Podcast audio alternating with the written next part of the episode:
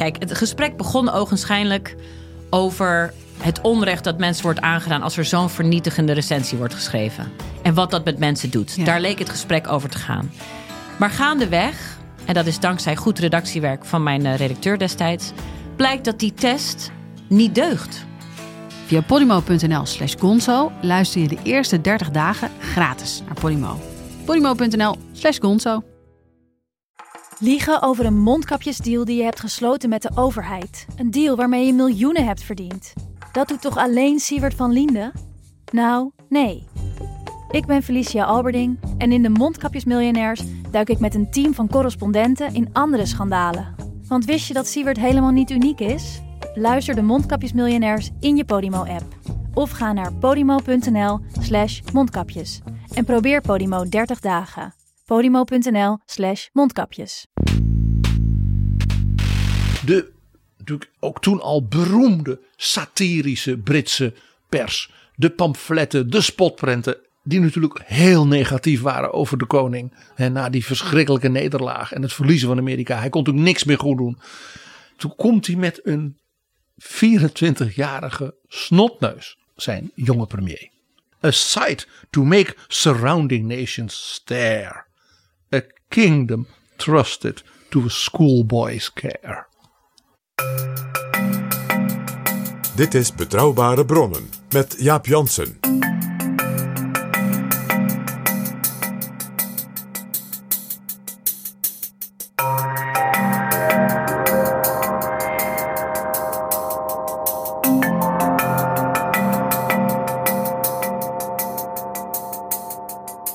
Hallo, welkom in Betrouwbare Bronnen, aflevering 303. En welkom ook PG. Dag Jaap. Mark Rutte twitterde afgelopen week de hartelijke felicitaties en veel succes voor Rishi Sunak, die de nieuwe premier van het Verenigd Koninkrijk wordt. Ik zie er naar uit om samen met hem de historisch uitstekende banden tussen Nederland en Groot-Brittannië nog verder aan te halen en om samen op te trekken binnen de NAVO. Hij zegt net niet van zou Rishi die toch alles van zijn voorgangers afbreekt, die dan ook maar Brexit moeten afbreken. Dat zegt hij dan toch maar niet. En ja, we moeten ook zeggen, ja, ik zat eigenlijk ieder moment de voorbije weken te wachten op een tweede Glorious Revolution. Dat de Britten zouden bellen en zouden zeggen, nou ja, kunnen jullie het niet weer overnemen, net als in 1688? Ja, het is een lastige relatie met Europa. Ursula von der Leyen die rekent desalniettemin op een sterke relatie met het Verenigd Koninkrijk onder Sunak. Met volledig respect voor onze afspraken. En dat laatste, dat moet je vooral als een heel krachtig dreigement beschouwen, Jaap. Want dat gaat over het Noord-Ierland-protocol. Rishi Sunak is een eh, interessante nieuwe premier, PG. Hij is zeker in het licht van die kleurrijke, soms zelfs excentrieke, maar altijd weer rijke Britse historie en cultuur. Een premier die in sowieso de geschiedenis in zal gaan. En ook meteen vergeleken kan worden. En ik denk dat jij het leuk vindt als we daar samen eens naar gaan kijken. Met enkele van de meest iconische prime ministers in de geschiedenis van Engeland en van Groot-Brittannië in de voorbije drie, vier eeuwen. Een van de bijzonderheden is, en Joe Biden feliciteerde hem vooral ook daarmee. Hij is de eerste prime minister van kleur. Van kleur, zeker, maar ook niet. En hij is ook niet, wat je dus overal hoort, een man uit India. Dus ook daar, Jaap, wil ik het met jou over hebben. En met onze luisteraars. Over al die dingen die dan weer in die paar dagen dat Rishi Sunak premier is. Over hem worden verteld. Waarvan ik dus nu al zeg. Ja, maar dat klopt niet. Wacht Zo even. zie je dus hoe dus de Ja, geschiedenis. laten we dat meteen maar even, voordat we echt beginnen, PG, even langs gaan. Jij zegt van kleur, maar ook weer niet. Er is een eerdere prime minister, een iconische prime minister geweest. En die kwam uit de Berberbevolking van Marokko. Disraeli. Benjamin Disraeli was een Joodse Marokkaan. Zijn familie was via Spanje uiteindelijk, ook door de vervolgingen in Spanje, in Engeland terechtgekomen. Ja, en hij zelf, Disraeli, was wel geboren in Ja, hij was- Engeland. hij was in Engeland geboren, maar zijn familie, en hij heeft ook tot, letterlijk tot zijn dood op zijn sterfbed, zijn Joodse heritage, zoals hij dat noemde, altijd zeer geëerd. Ja, en er wordt gezegd, Rishi Sunak, zijn roots liggen in India. Jij zegt dat klopt ook niet. Nee, Rishi Sunak is typisch een kind van de grote Indiase diaspora in de hele wereld. En om te beginnen natuurlijk in het empire. Zoals Gandhi uit Zuid-Afrika kwam, zo komt Rishi Sunak uit Kenia. En er zijn ook heel veel, zoals je weet, Indiase, dus immigranten, die er vaak al generaties in Oost-Afrika woonden. Die bijvoorbeeld toen in Oeganda door generaal Idi Amin bij honderdduizenden zijn vervolgd. En als vluchtelingen ja, verjaagd zijn. En daarvan zijn er ook velen naar Engeland gegaan en daar dus opgenomen en hebben daar een nieuw leven gemaakt. Ja, en als je het dan over Kenia hebt, dan heb je het over zijn vader. Ja. Overigens, heel interessant PG. Ik dacht, laat ik ook eens in de archieven gaan zoeken. Als je het over India hebt als wortels. Van 1812 tot 1827 regeerde Lord Liverpool als prime minister. En hij had een overgrootmoeder, die kwam uit India. Ja, want India was natuurlijk in de 18e eeuw dat nieuwe, reusachtige ja, project hè, van wat we dan later het Empire zijn gaan noemen. Toen de Britten als, ja, dat verhaal moeten we een keer apart doen denk ik. Als kleine koloniale mogendheid met een aantal havens in Bengalen en aan de kust. Zomaar in enkele tientallen jaren dat reusachtige imperium van de Mughal-keizers. Van Shah Jahan, van Akbar de Grote overnamen. Een van de meest ongelooflijke verhalen in de wereldgeschiedenis. Dus alleen te vergelijken met Alexander de Grote uh, in de Griekse tijd. Ja, overigens wat we natuurlijk ook wel eens vergeten als het gaat over wortels elders. De voorvorige prime minister Boris Johnson, die zijn wortels uh, waren Turks. In de Caucasus. Onder de Turkse volkeren, dus niet het, het, de Turkije van Istanbul en dergelijke, nee, de, uit de Turkse volkeren in de Caucasus. We gaan het dus hebben, PG, over een aantal interessante voorgangers van Rishi Sunak. Een aantal interessante premiers met ook hele bijzondere verhalen. En eigenlijk allemaal, zoals Rishi Sunak, een zeg maar, doorbraakfiguur, een primeur zijn. Maar eerst, PG, hebben zich nog nieuwe vrienden van de show aangediend? Jaap, het gaat maar door. En wat is dat opbeurend. Daarom heel veel dank aan Matthijs, René, Diederik en Juriaan. Allemaal hartelijk dank. Wil jij ook vriend van de show worden? Ga dan naar vriendvandeshow.nl slash bb en daar help je ons enorm mee. En als dan je geld op is, ja, dan kun je nog altijd een proefabonnement nemen op de Volkskrant. Want dat kost bijna niks. 4 euro voor 4 weken de krant op papier en 4 euro voor 8 weken de krant digitaal. En dan krijg je een hoop, Jaap. Dat zul jij toch toegeven. Ja, prachtige columns. Ja, bijvoorbeeld uh, Arnold Grunberg. Die is zelfs een tijd geleden bij mij langs geweest. Omdat hij mijn boek over het CDA zo boeiend vond en met mij wou praten. Over de geheimen van de politiek. Wat doen mensen in de politiek nou eigenlijk? Toen hebben we een heerlijk gesprek gehad. En de columnist van de Volkskrant komt speciaal naar jou toe.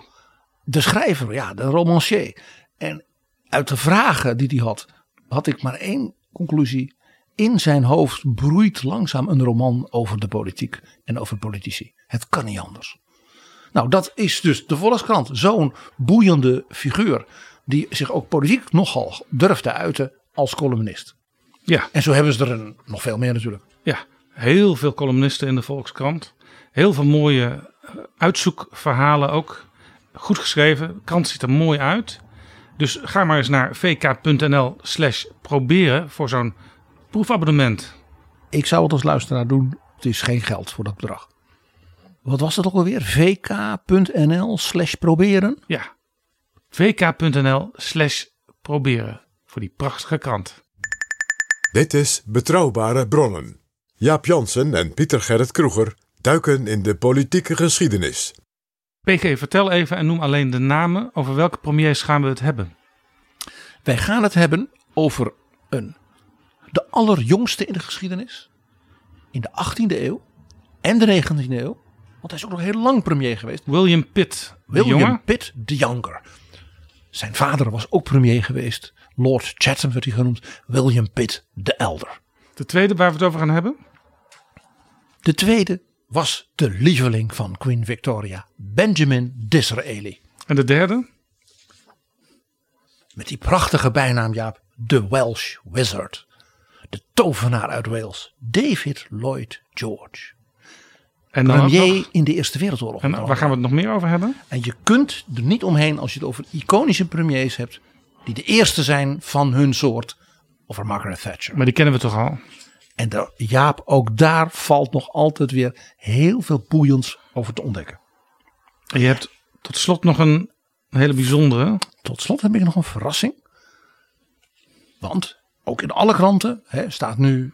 eh, eh, Rishi Sunak is de allerrijkste lid van het House of Commons. Van nu, dat zal Hij is wel rijk zijn. hoor, want een Labour-lid zei bij zijn aantreden, in- nota bene in een vraag in het vragenuurtje, een verpleegster moet 20.000 jaar werken om dat geld eh, bij elkaar te krijgen wat u al heeft. Kortom, Rishi Sunak is zeer vermogend. Daar gaan we het even over hebben. Maar het verhaal dat hij de rijkste premier is, de, de meest vermogende premier in de Britse geschiedenis, klopt niet. Stop! Dan horen we straks helemaal aan het eind van deze aflevering over wie je het hebt. En we eindigen natuurlijk, Jaap, als het gaat voor de Britse politiek, met een opera van Georg Friedrich Händel. Ik dacht al, is het afgelopen met die opera's? Want ik heb er al een hele tijd niet- geen meer gehoord. Maar nu dan ook met verdubbelde kracht. Goed, PG. Rishi Sunak is 42. Dat is jong. Dat is zeker ook in de Britse eh, recente geschiedenis. Zeker jong. Hij is ook jonger dan eh, bijvoorbeeld Tony Blair. Van toch het beeld is een jonge dynamische premier. Rishi Sunak is nog jonger en dynamischer.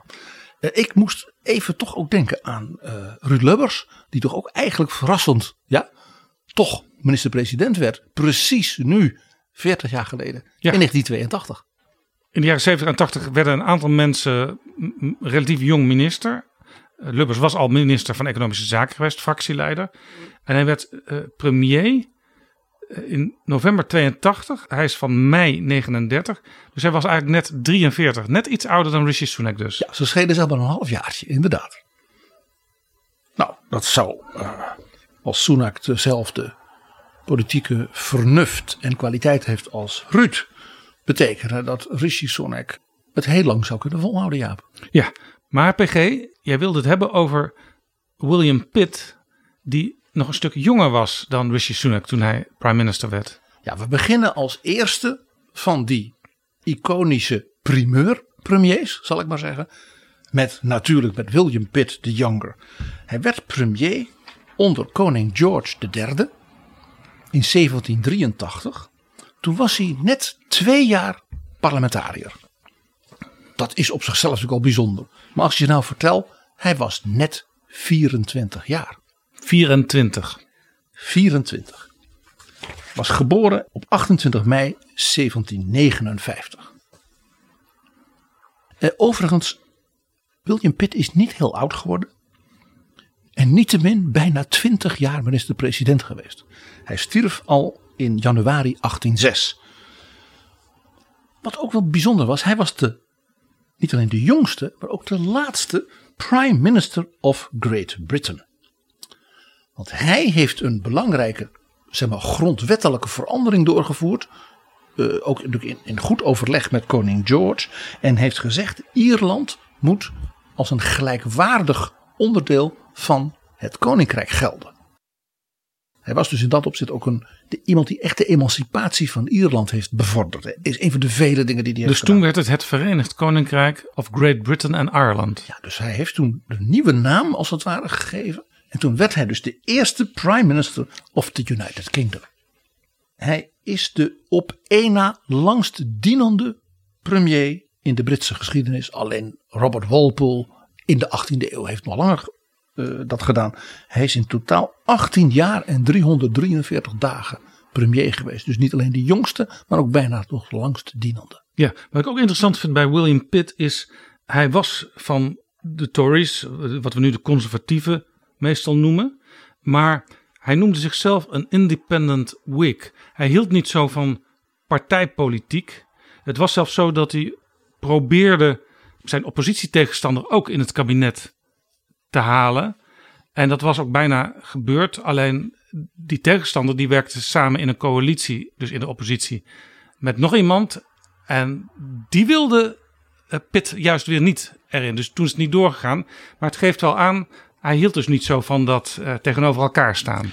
Nee, tegelijkertijd was hij iemand die zei: we moeten als Tories dus minder afgeven op andere partijen. Meer proberen, uh, als zij goede ideeën hebben, of het nou de Whigs zijn of onafhankelijke Kamerleden. Heel mooi voorbeeld, uh, Edmund Burke. Dan moet je zeggen, dat is een uitstekend idee, dat nemen we over. Dit was iets wat heel erg in het karakter van Pitt zat. Dat hij in dat opzicht een grote openheid had naar andere mensen met goede ideeën. En dat noemde hij het New Toryism. Hij zei, ik ben van huis uit ook door mijn vader een Tory. Maar we zijn nu hè, in die late 18e eeuw in een tijd van verlichting. En dus goede ideeën, die breng je bij elkaar. En dan komt dat, is dat in het belang van het land. En daardoor herleefde de Tory Party door Pitt ook zeg maar intellectueel en cultureel. Was het dus niet alleen maar de partij van de belangen van het platteland en van de adel daarin en de, en de kleine neringdoenden. Hij maakte er dus weer een soort ideeëncentrum van. Waardoor dus de Tory Party ook door hem tot heel lang, ja, als het in de macht kon blijven. En de Whigs en die andere partijen eigenlijk een beetje gemarginaliseerd werden. Omdat dus, als er dus mensen kwamen met goede ideeën, dan zei hij: kom erbij. Dus hij haalde als het ware daarmee heel genereus binnen. Maar maakte die andere partijen natuurlijk het leven ook eigenlijk wel een beetje moeilijk. Ja, uh, heel interessant PG. Zijn constituency was de University of Cambridge. Ja. Dus hij zat in de Kamer voor dat district. Ja, in die tijd was het zo dat de Britse kiesdistricten waren niet zoals nu zeg maar verdeeld over het land met ongeveer gebieden met evenveel inwoners. Je had zelfs kiesdistricten met drie inwoners, waar dan ook altijd de zoon van de edelman die daar de eigenaar van was, de zogenaamde Rotten Boroughs. Heel bijzonder en dat was uit de middeleeuwen. Dus het waren hele oude districten, waren districten van de universiteit. Dus we hadden Oxford en Cambridge meerdere kiesdistricten. Uh, dus een hoogleraar, een student die mocht stemmen. Want dat hing natuurlijk vanaf uh, aan welke voorwaarden je moest voldoen. Bijvoorbeeld grondbezit hebben en dergelijke. Die konden zich dan melden. Ik ga stemmen in kiesdistrict 2 in Oxford. Of in 3 van Cambridge. Daar kon natuurlijk enorm mee geknoeid worden en gerommeld. Zodat vriendennetwerken elkaar gingen steunen. De strijd om de kiesdistricten van de universiteiten behoorde dan ook tot de felste. Want daar werden natuurlijk de debatten op het scherpst van de snede, zoals tot nu toe altijd in die Britse universiteiten. En met de Oxford Union en dergelijke. Die traditie heeft dus te maken met deze unieke middeleeuwse kiesdistricten. William Pitt heeft ook als heel jonge jongen, hij was nog een tiener, heeft hij geprobeerd een van die districten te veroveren. Dat is hem toen net niet gelukt. Hij hield niet van verliezen. Toen heeft hij uiteindelijk met een edelman geritseld dat er dan een ander kiesdistrict was, waardoor hij toch nog in de Kamer kon komen. Maar je raadt het al, zodra hij de kans had gekregen en zich had bewezen de Kamer, ging hij opnieuw bij de universiteit als kandidaat en won dat gewoon altijd, nou ja, verpletterend. Toen Pitt in 1783 premier werd, toen was er van alles aan de hand in dat Britse Rijk. Nou, het was ongeveer het dieptepunt van het lange koningschap van George III. George III had ja, tegen vele wijze adviezen in, bijvoorbeeld van Edmund Burke, uh, volgehouden dat de rebelse Amerikanen moesten worden onderworpen. en hij huurde dus onder andere troepen uit Hessen en in Duitsland, maar ook uit Schotland. En die gingen vechten tegen George Washington. Ja, de Amerikanen hadden de steun van Frankrijk en je weet, ze wonnen. En in 1783 uh, eh, werd dus de 24-jarige Pitt premier, omdat de koning moest toegeven dat zijn strategie en dus ook zijn financieel beleid totaal was mislukt. Engeland dus tegen een staatsbankroet aanstaarde. Ja, dus er moest sowieso een andere regering komen, zou je kunnen zeggen. En de koning was zo verstandig om te denken: ik moet nu niet, zeg maar, mijn oude kabinet met wat mensen uit de oppositie aanvullen. Hij zegt: ik moet een kabinet hebben waar niemand in zit die beschuldigd kan worden van ja, maar jij hebt in die oorlog dat fout gedaan. Of jij bent verantwoordelijk voor die nederlaag of voor dat gat in de begroting. En ik moet mensen dus uit de oppositie vragen.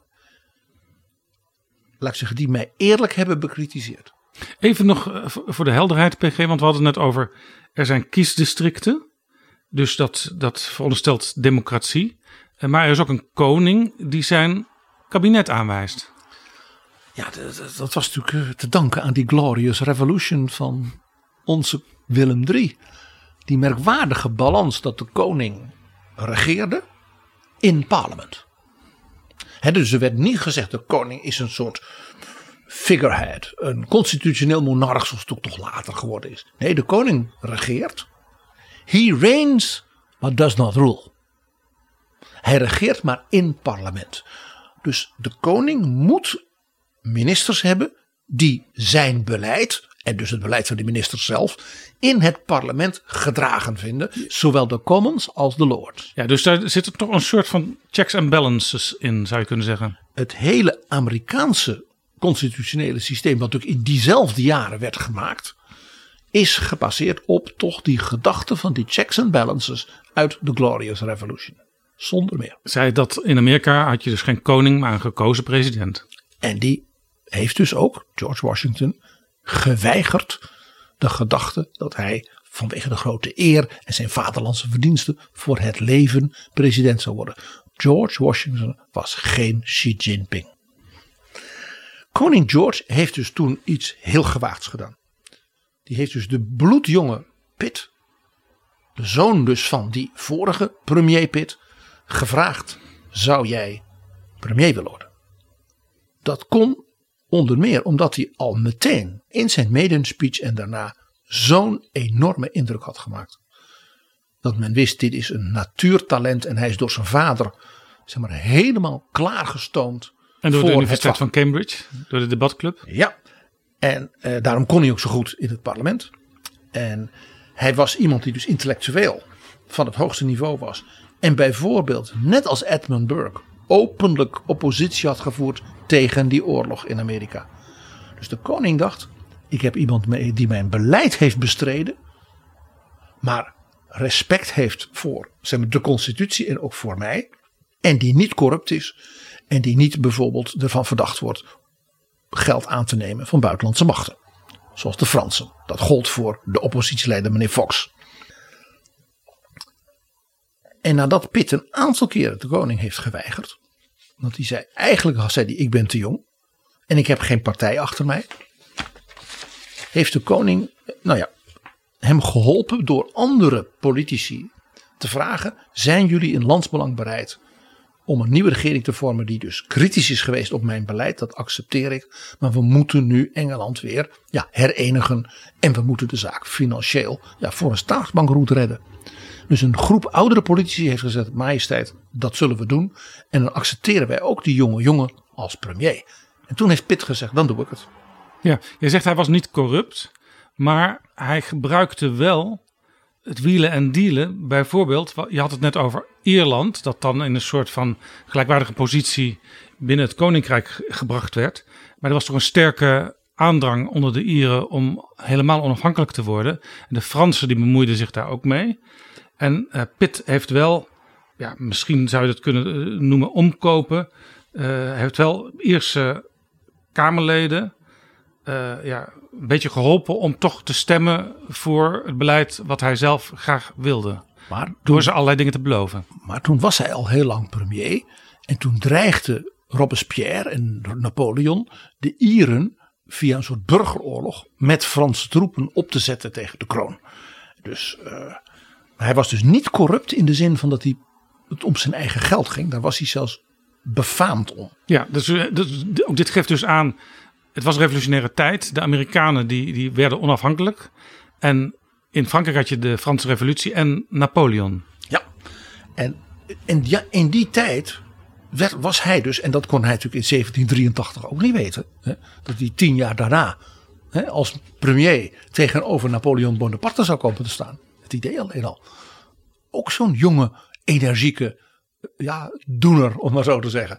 Eh, eh, Maar ja, hij was daardoor wel, eh, toen het zover was, nog wel heel jong. Hij was een dertiger, maar fantastisch ervaren. En wat toch wel heel interessant is, hij heeft dus altijd ja, het volle vertrouwen van koning George III gehouden. Ja, George III was natuurlijk ook een heel merkwaardige koning. The Madness of King George herinneren wij ons. Ja. Die man die was af en toe ja, niet in staat om te regeren. Nee, en dat. eh, eh, maar hij tegelijkertijd was koning George een hele beminnelijke man. Een hele. Ja, gewoon een hele aardige man. Het was, heel grappig. Het was de eerste koning die bijvoorbeeld met zijn vrouw eigenlijk zelf zijn kinderen opvoedde. Natuurlijk had je natuurlijk wel ondersteuning, maar dat was heel bijzonder. Dat hij dus alle dagen ook met zijn kinderen speelde. Hij hield bijvoorbeeld ook heel erg van tuinieren. Hij had zijn eigen boerderij. En eh, was politiek ja, heel ervaren. En kon ook, zoals je dat zag met die Amerikaanse oorlog, als iets dus helemaal niet goed was gegaan. Dan was hij dus niet als koning arrogant en dan zei dat de schuld van de ministers. Of, dan had hij ook zoiets, dat heb ik zelf niet goed gedaan en dan moet ik het beter doen. En dat heeft hij dus heel erg gewaardeerd in die jonge Pitt. Dat hij heeft gezegd, majesteit, dan doe ik het. Dus ze zijn dus nooit vrienden geworden. Dat was natuurlijk ook heel moeilijk. Bovendien, koning George had in het begin, als heel jong koning, dus wel met bevriende edellieden kabinetten gemaakt. En die hebben hem allemaal, nou ja, belazerd, die corrupt geweest. Dus de koning had toen na die grote nederlaag hè, in Amerika zoiets van: het is misschien zelfs wel goed dat ik niet bevriend ben met Pitt. Maar dat we wel heel eerlijk zijn tegenover elkaar.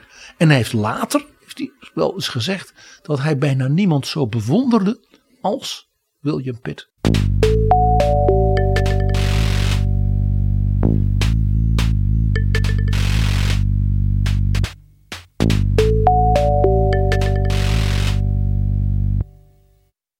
Als je 24 bent en ook nog niet zo lang in de- het lagerhuis, hoe handhaaf je dan je macht? Nou, een van de dingen die eh, Pitt deed was, en dat zien wij nu achteraf, die heeft de functie van prime minister gecreëerd. Je, wat daarvoor had je ook wel prime ministers. Hè, dat waren vaak heren van adel die dat er een beetje bij deden. Hè, sommigen, zoals zijn vader, dat waren echte doeners. Maar wat deed de jonge Pitt? Die benoemde zichzelf zowel tot prime minister als tot lord of the exchequer. En was dus ook minister van Financiën. En daardoor maakte hij dat Downing Street 10 en Downing Street 11, hè, dat is niet toevallig, de ambtswoning van de minister van Financiën. Dat is gewoon de buur, het buurhuis. Nou, zie je. En dat de- heeft hij, ja, die twee functies, in elkaar geschoven. Hij hield ze dus wel op een nette manier uit elkaar, maar hij deed het alle twee tegelijk.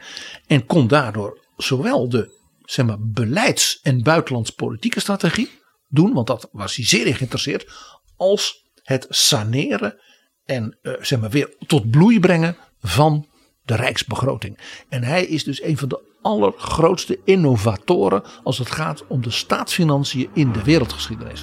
Afgelopen week zagen we natuurlijk de deur van Downing Street 10 ja, de hele tijd op televisie. En toen zag ik op een gegeven moment, dat kon je toen van heel dichtbij lezen. Daar staat op de brievenbus First Lord of the Exchequer. Eh, en dat komt dus uit die tijd. Ja, dus de eerste heer van de schatkist is de prime minister, William Pitt. En de chancellor of the exchequer, daarom wordt hij ook altijd de chancellor genoemd, is dus de kanselier. En ja, dat, je hoort het zegt al, die is van de kanselarij. Die mag dus de papieren doen en die mag de notities maken en de notulen. Dat is natuurlijk in de loop van de jaren veranderd. Maar dus die chancellor was een meer ambtelijk politieke dienaar van de First Lord. En Pitt heeft dus eh, als premier de financiën van Engeland en van het Empire ja, op zich genomen. En dat dreigende staatsbankroet afgewend door eh, allerlei ja, nieuwe ook belastingwetten door te voeren. En bijvoorbeeld belastingwetten die berucht waren als ja, aanleiding voor handigheidjes en corruptie. Dus indirecte belastingen op vensters, op tabak, op nou ja, waar, waar je mee gesjoeld, waar dus smokkelen. Pitt die zei, dat soort belastingen die heb ik liever niet. Dan zou je denken dat is opmerkelijk, want hij had juist meer belastingen nodig vanwege dat dreigende bankroet. Wat hij dus deed, hij zei dat ook tegen het House of Commons, tegen de Britten. Hij zei, ik ga een inkomstenbelasting invoeren, dat was helemaal nieuw. En daarvoor ga ik dus die, nou ja, voor corruptie gevoelige indirecte belastingen afschaffen, dan wel zo verminderen dat het eigenlijk niet meer zo interessant is om er corrupt mee te zijn. En het leuke is, hij won dus daar met deze denklijn verpletterend de verkiezingen. Moet je nagaan. Dus de burgerij in Engeland, de rijken en de middenklasse, stemden voor een premier die zei: Ik ga een inkomstenbelasting invoeren voor het eerst. Omdat ze de balans die hij daarin aanbracht en het afwenden van het staatsbankroet, dat men dat van hem geloofde. Weet je hoe hij door de eenvoudige burgers, dus de kiezers aan de onderkant, werd genoemd als premier? Nee. Honest Billy. en daar was hij ook Eerlijke Willem. heel erg trots op. Zijn beste vriend al uit de universiteit was ook een Kamerlid, William Wilberforce. Die kennen wij natuurlijk in de geschiedenis vooral als die zeer evangelisch bewogen strijder tegen de slavenhandel en de slavernij. En die dat ook, dat is hem ook gelukt. En dat was een van zijn allerbeste vrienden al uit, nee, dat ze tieners waren. En ik lees voor wat hij zei over William Pitt. For personal purity, disinterestedness and love of his country, I have never known his equal. Dat zegt wel iets. En daarom dat George III, die heeft dat dus in deze jonge jongen gezien. Want anders had hij dat nooit gedurfd. En daar zie je dat George III, die dus, nou ja, in de geschiedschrijving niet altijd zo'n hele goede naam heeft. Ja, daar daar.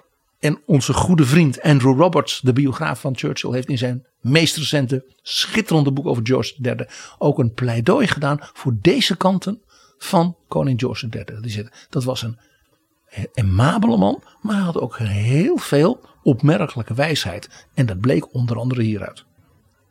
Ja, PG, nu zou het bijzonder zijn als iemand van 24 premier wordt. Maar hoe was dat toen? Ja, hij kwam letterlijk ja, eh, van de universiteit.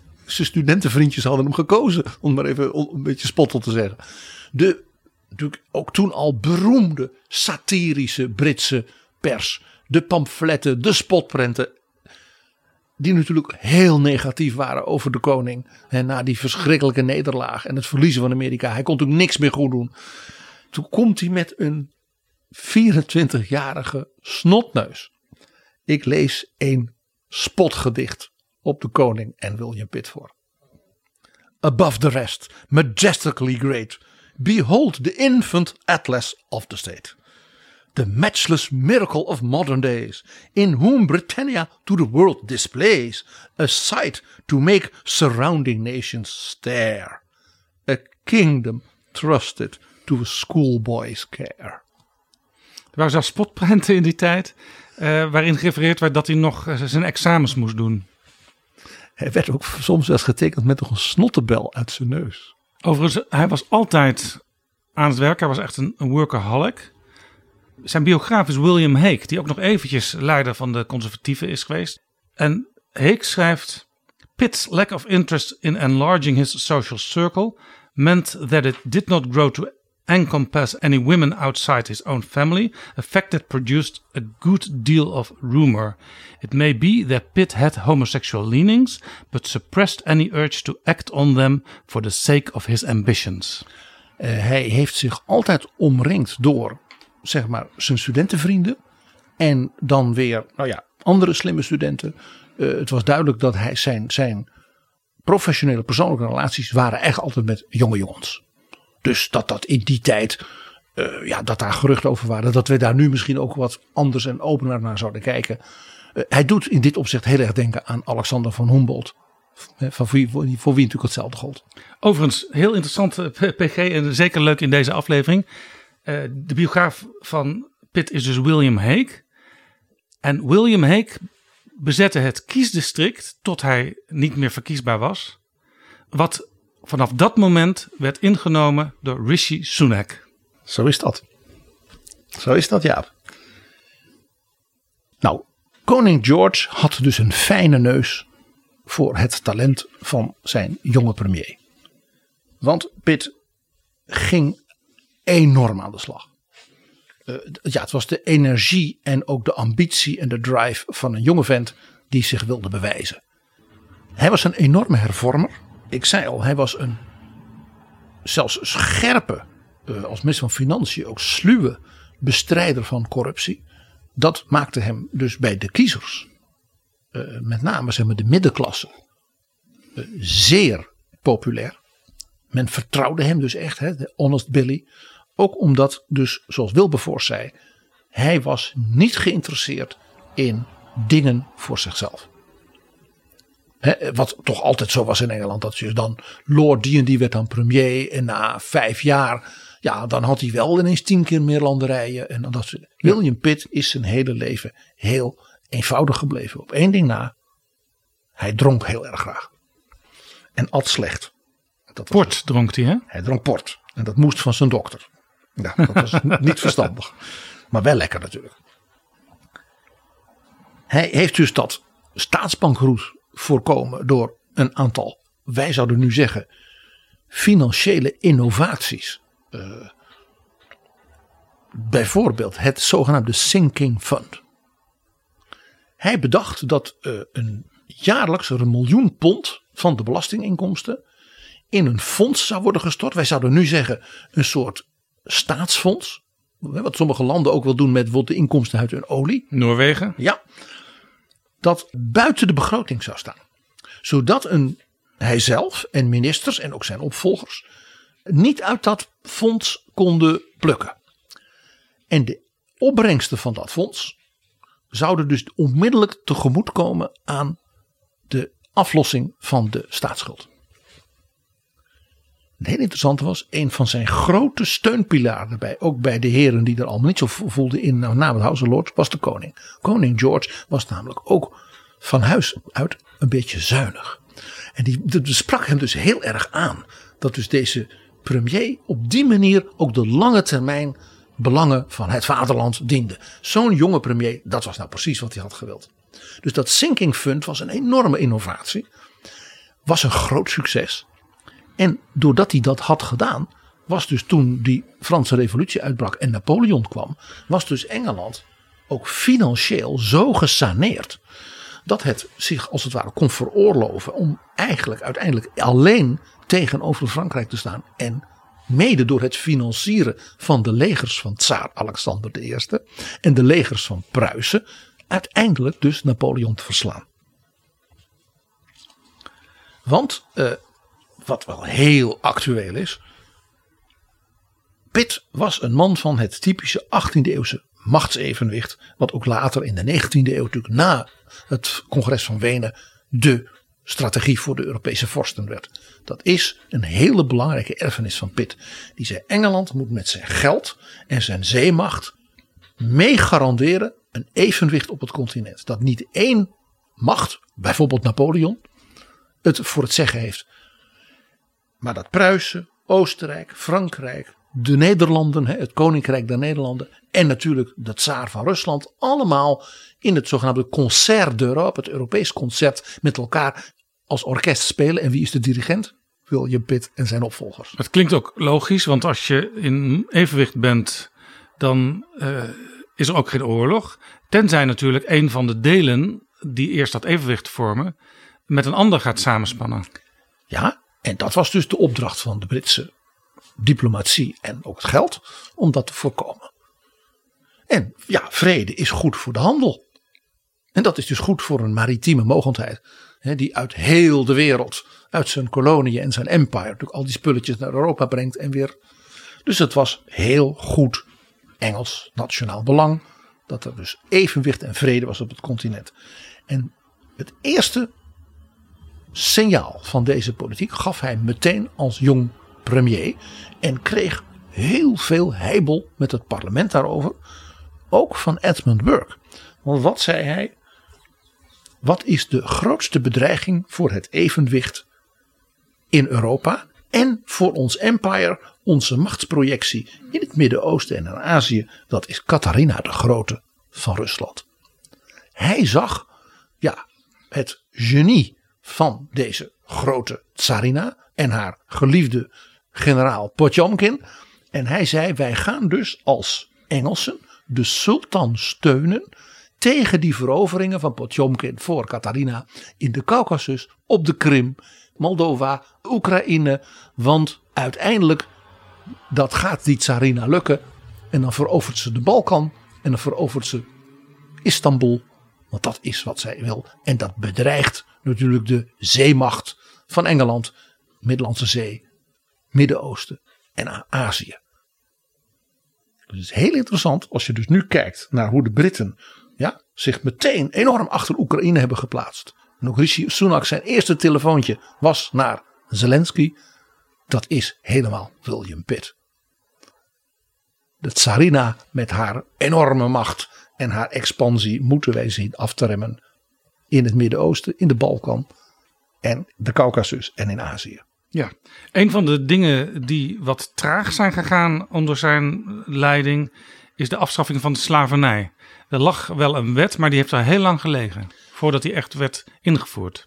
Hoewel hij dus zeer persoonlijk bevriend was met William Wilberforce, heeft hij Wilberforce daarin niet heel erg gesteund vanuit het idee: ik heb belangrijke prioriteiten, dat is die staatsschuld, dus de economische hervormingen, eh, de hervorming van dus de corruptie en van de justitie en dat soort dingen. Was het en idee- natuurlijk de oorlog tegen Frankrijk. Ja, was het idee als we slavernij nu al afschaffen, dan leggen we te, te, een te grote last op de mensen die het toch allemaal moeten opbrengen. En hij was ook bevreesd dat de slaven dan wel echt in opstand zouden komen en bijvoorbeeld eh, nou ja, macht zouden gaan eisen in het empire. Zijn focus was toch echt het verslaan van Napoleon. En ja, hij is natuurlijk ook ja, niet zo oud geworden dat hij dat als het ware na het verslaan van Napoleon had kunnen regelen. Ja, want hij is gestorven op 46-jarige leeftijd.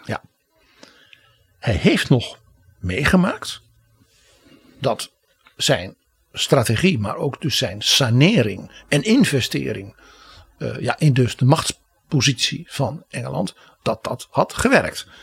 Hij verdubbelde, door dus dat hij zoveel, ja, zo'n goed begrotingsbeleid voerde, de omvang van de British Navy. En dat was al natuurlijk met afstand de grootste ter wereld. Maar hij had zoiets van, die kan niet groot genoeg.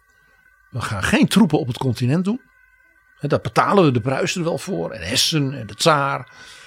Maar de Navy, dat is als het ware. Dan hebben wij de, houden wij de greep ook op Frankrijk. En heeft dus kort voor zijn dood. Als premier. Dus nog meegemaakt. De triomf van admiraal Nelson. De slag bij Trafalgar in 1805. Hè, dus, dus het jaar voor zijn dood. Waarbij dus de Franse en de Spaanse vloot, want die waren toen samen nou ja, naar de bodem van de zee werden gejaagd. En Napoleon dus ook niet meer een invasie, hè, zoals hij was, had gepland, eh, in Engeland kon doen. En de Britten, eh, hoewel ook in de jaren daarna nog Napoleon natuurlijk op land ja, de ene naar de andere grote overwinning haalde. De Britten uiteindelijk wisten dat kan hij nooit volhouden.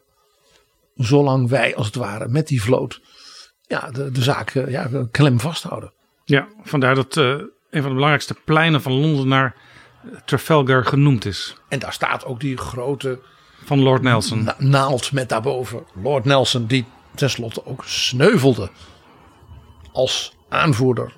Omdat hij op zijn schip stond, zodat de mensen hem konden zien en dat hij kon kijken wat er gebeurde. Na de slag bij Trafalgar is er een het jaarlijkse banket geweest van de Lord Mayor of Londen. Dat is ook nu altijd nog elk jaar. En daar spreekt ook altijd de premier en dan wordt hij ook toegesproken door de Lord Mayor. Dat was dus vlak voor zijn dood. En toen heeft de Lord Mayor gezegd: U, Prime Minister, bent de savior of Europe. En toen heeft Pitt geantwoord. En is het enige wat hij toen heeft gezegd, ook omdat hij dus zijn gezondheid was niet meer goed. En dat speechje is misschien wel de beroemdste uit zijn hele leven. Dus ik lees hem even voor. Ze hadden dus gezegd: Wij danken u, u bent de redder van Europa. I return you many thanks for the honor you have done me. But Europe is not to be saved by any single man. England has saved herself by her exertions and will, as I trust, save Europe by her example. Laat dit ook een les zijn, een aanwijzing voor alle Europese landen van dit moment. Misschien niet alleen die van de Europese Unie, maar ook alle landen eromheen in de Europese politieke gemeenschap. Waar Rishi Sunak nu ook actief aan kan gaan meedoen. Geef het goede voorbeeld door goed te handelen. Daar komt het eigenlijk op neer. Mag ik nog één van het misschien het beroemdste motto van William Pitt in een van de vele debatten die hij natuurlijk in de House of Commons deed. Toen zei dus een tegenstander, maar wij zijn toch gedwongen deze vreselijke maatregelen te nemen. Het moet. Dat was niet hoe Pitt dacht. Toen heeft hij deze schitterende, korte, bijna epigramachtige formulering ge- gegeven. Necessity is the plea for every infringement of human freedom. It is the argument of tyrants. It is the creed of slaves. Met andere woorden, je moet eigenlijk nooit meer naar andere machten of andere personen verwijzen. eh, als jij zelf moet uitleggen waarom een bepaald beleid op dit moment gevoerd moet worden. Dan Als moet je argument is het volledig moet, voor je eigen verantwoordelijkheid nemen. Hij zegt, als je dat argument, het moet, gebruikt, het is het argument van tyrannen. En het is het geloof van slaven. Zo.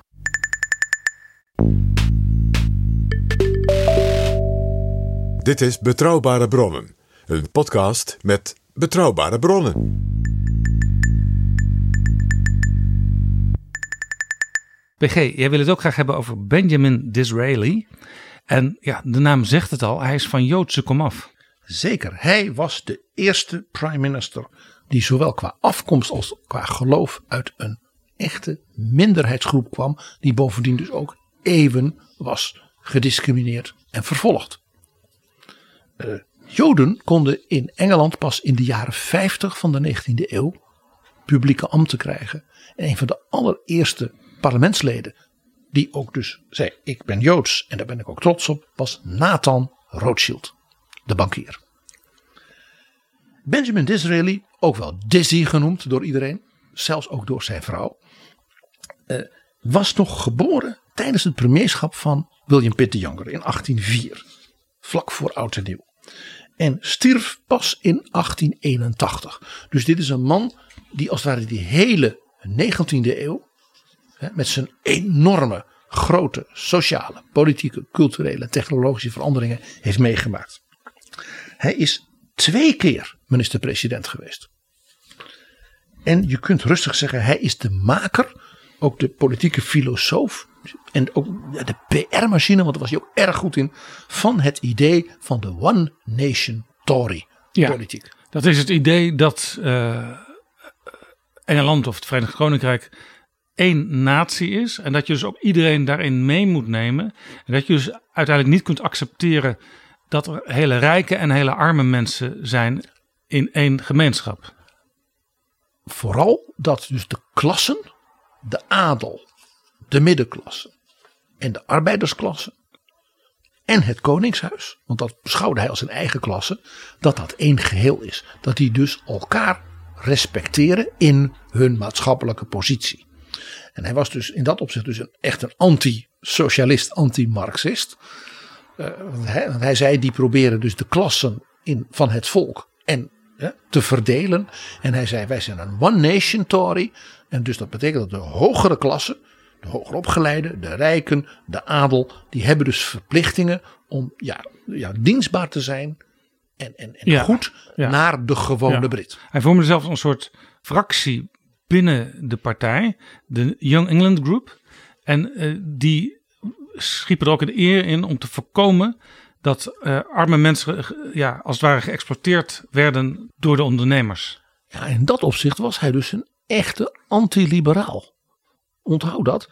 Hij was dus een vernieuwer op allerlei terreinen, maar antiliberaal. Want hij zei de liberals, zoals zijn grote opponent en zelfs wel een beetje vijand, William Gladstone. Hij zegt, ja dat is mooi dat die voor die nieuwe eh, ondernemersklasse en de nieuwe technologie en de nieuwe economie komen. Hij zegt, ik ben daar helemaal niet tegen. Maar wat zijn de gevolgen voor de gewone boeren in de dorpen? Wat gebeurt er met de arbeiders? Dus het is heel interessant. Hij was dus vanuit een soort conservatieve houding. Was hij tegelijkertijd te meer een sociaal vernieuwer. Ja, overigens, eh, we hadden het straks even over Rishi Sunak die dan heel rijk is.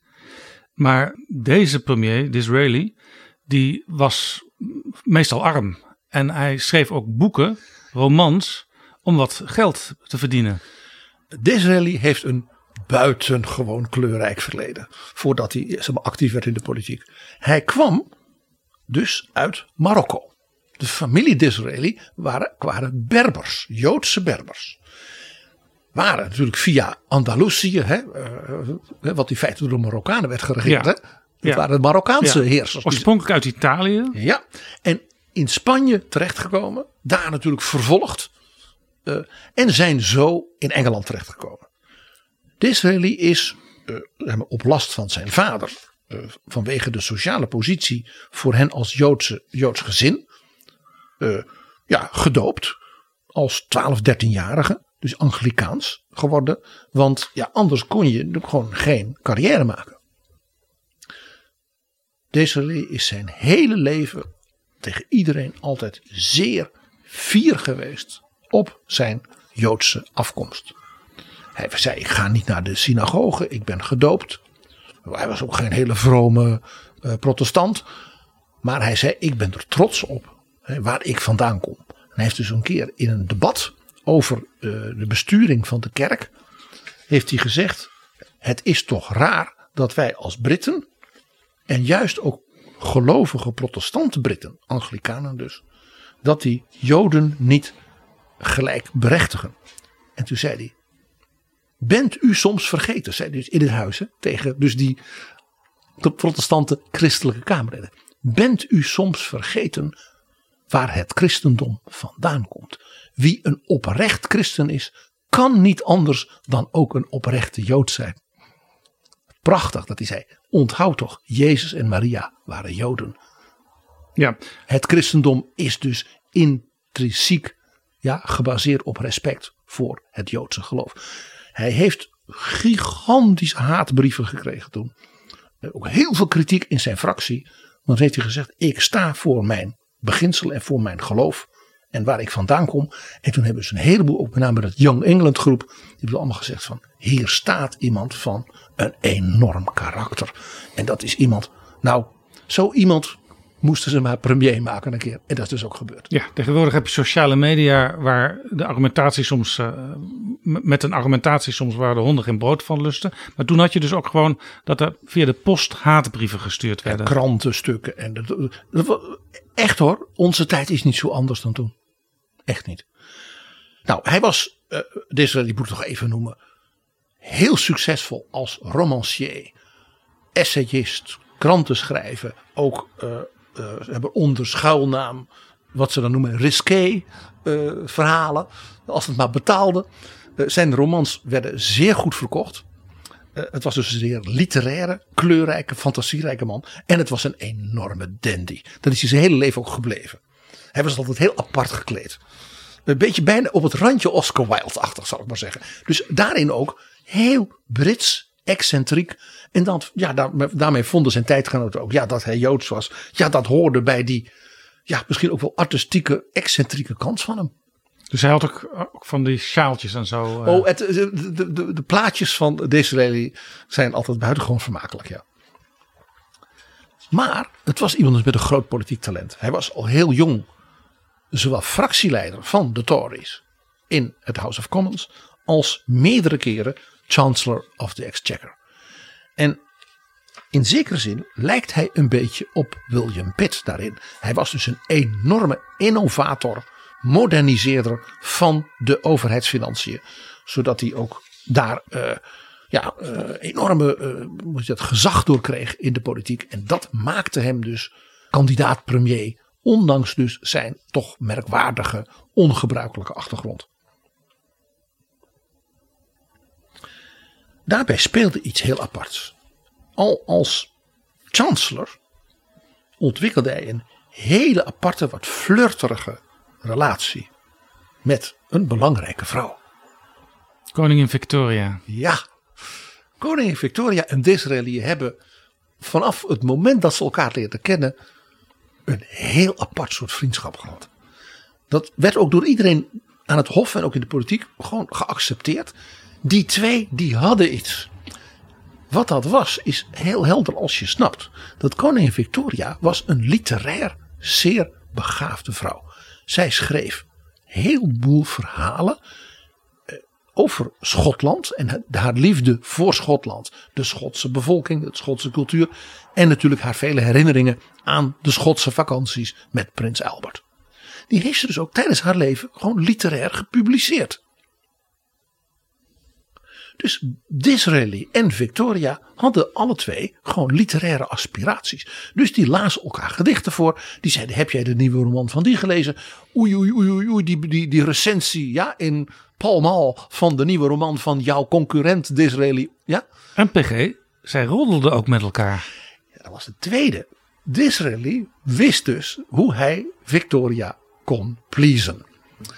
Dus als hij haar adviezen gaf, dan schreef hij die altijd een beetje ondeugend, met een klein grapje en een beetje flirterig zelfs.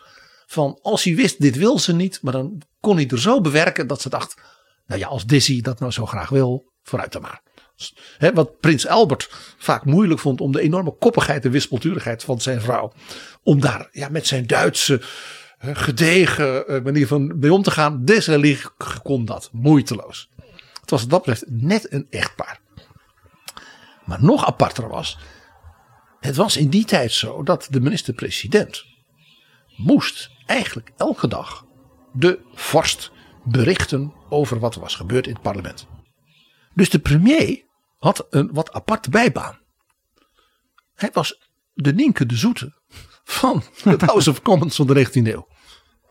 Dus de premier moest elke dag, als het huis zat, dan een soort memo schrijven aan de Queen. Met wat er was gebeurd. Dat hoorde zo. Want de koningin, hè, she reigns, but does not rule. Dus dat was echt corvée. Dus dat werd vaak gedaan door een secretaris. En dan zette de premier zijn handtekening eronder. Of Your Majesty in zijn. Hè, dan. Ja. Zo niet bij Disraeli. Disraeli wist dus precies hoe hij Victoria kon pleasen. En hoe belangrijk dat ook voor hem was. Dus die schreef al tijdens de vergaderingen. Zat hij al kattenbelletjes te maken. En ja, het was een literator. Dus aan het eind van het debat. Glaasje port erbij, net als William Pitt. En dan schreef hij een heerlijke brief vaak. Met roddels. Met dat dat Kamerlid zich toch een beetje nou ja, maar ja, hij was too, too much to wear for drink. En hadden ze een hele domme interruptie gepleegd. En uh, hoe slim hij Gladstone op dat punt uh, dwars had gezeten. En dat hij via een technisch trucje uh, die begrotingswijziging. En vooral ook veel wat er in de smoke room en de cloakroom allemaal aan roddels werd gedaan. En welke lord het tegenwoordig met Lady die en die doet. Victoria genoot. Want die hield van de politiek en hield van dat, dat gedoe. En vond dus dat opgeprikte van die voorgangers eigenlijk helemaal niet leuk. Dus zij zat gewoon te wachten s'avonds op het briefje van Dizzy. Om dan weer te genieten en hem een gauw een kattenbelletje terug te sturen. Een hele bijzondere, ja zeg maar rustig, vriendschap van die mensen. Hij heeft toen hij op zijn sterfbed lag ook gezegd Laat Her Majesty nou niet komen. Want ik wil niet dat ze me zo ziet. Ah, wat lief. En uh, hij heeft ook een keer een telegram gestuurd. Ja, het telegram van zijn uh, premierschap. Hij had namelijk uh, strategisch natuurlijk oog voor dat empire. Net als William Pitt. Er zijn heel veel interessante overeenkomsten tussen die twee. En het waren de Fransen die met geld ook van Britse bankiers natuurlijk het Suezkanaal hadden aangelegd. Dat vonden natuurlijk veel Britten geen fijn idee.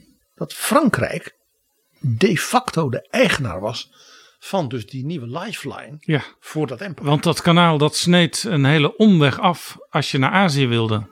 En het Midden-Oosten. En de Perzische Golf. Jazeker. Maar er was nog een aandeelhouder. Dat was de Khedive van Egypte. Een soort sultan. En die was niet alleen heel erg corrupt. Maar ook altijd bankroet. En die slimme, slimme Disraeli.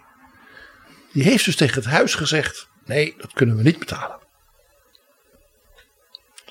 En heeft dus onder andere via zijn vrienden van de Rothschild familie en allerlei bankiers eerst eens laten praten met de Franse ingenieurs die dat hadden gebouwd.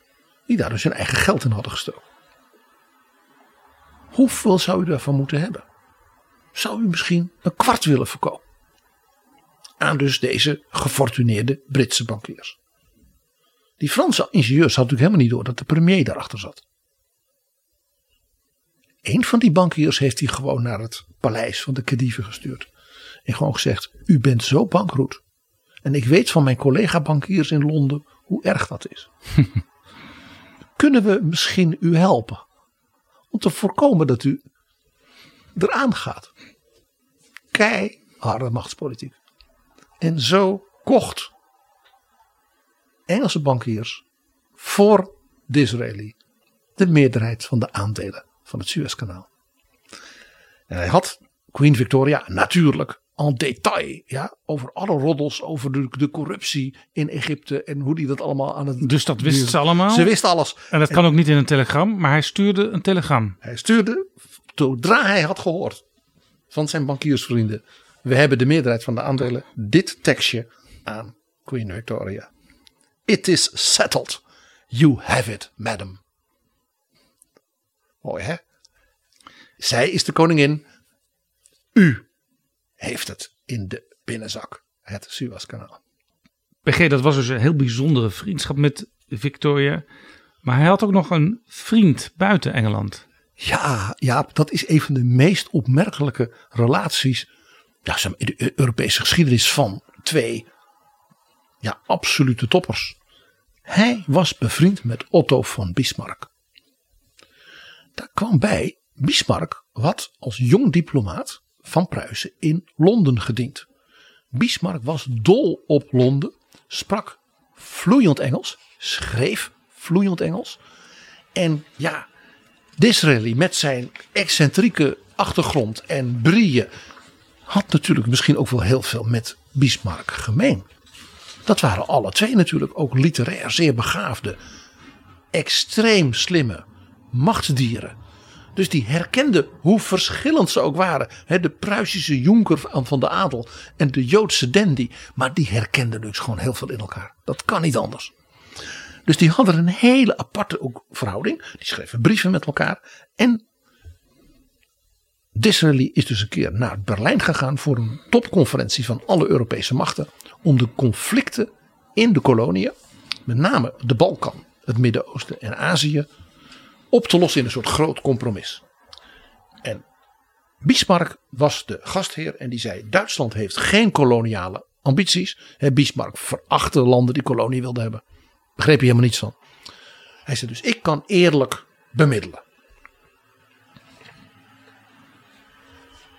En hij heeft toen met Disraeli samen gewoon onder één hoedje gespeeld. Zo van wij Duitsland, Pruisen steunen Engeland als zeemacht, zodat wij in Europa de continentale macht kunnen verder ontwikkelen. En wat was dus de grote tegenstander erbij? Dat was Rusland. En Disraeli kreeg dus voor elkaar wat zelfs Pitt niet lukte ten opzichte van de grote Katharina, de tsarina. Disraeli kreeg voor elkaar dat dus met hulp van Bismarck er grenzen werden gesteld aan de expansie van Rusland op de Balkan, in de Caucasus en ook in Azië. En dat maakt dus Disraeli een van de ja, meest succesvolle geopolitieke politici van de hele 19e eeuw. Dat is nog eens het bevorderen van machtsevenwicht in Europa. En Bismarck die had dus in het kanslerambt in Berlijn, in zijn werkkamer, dat liet hij aan al zijn bezoekers zien, drie portretten hangen. Drie portretten van? Mijn keizer, dus Wilhelm I. Uiteraard. Mijn vrouw, Uiteraard. Johanna en Disraeli. En de keizer die ooit, keizer Wilhelm, die ooit tegen hem zei. Ja, dat, die Disraeli, wat het, ja. Zo zei hij. Majesteit, der alte Jude, das ist der Mann.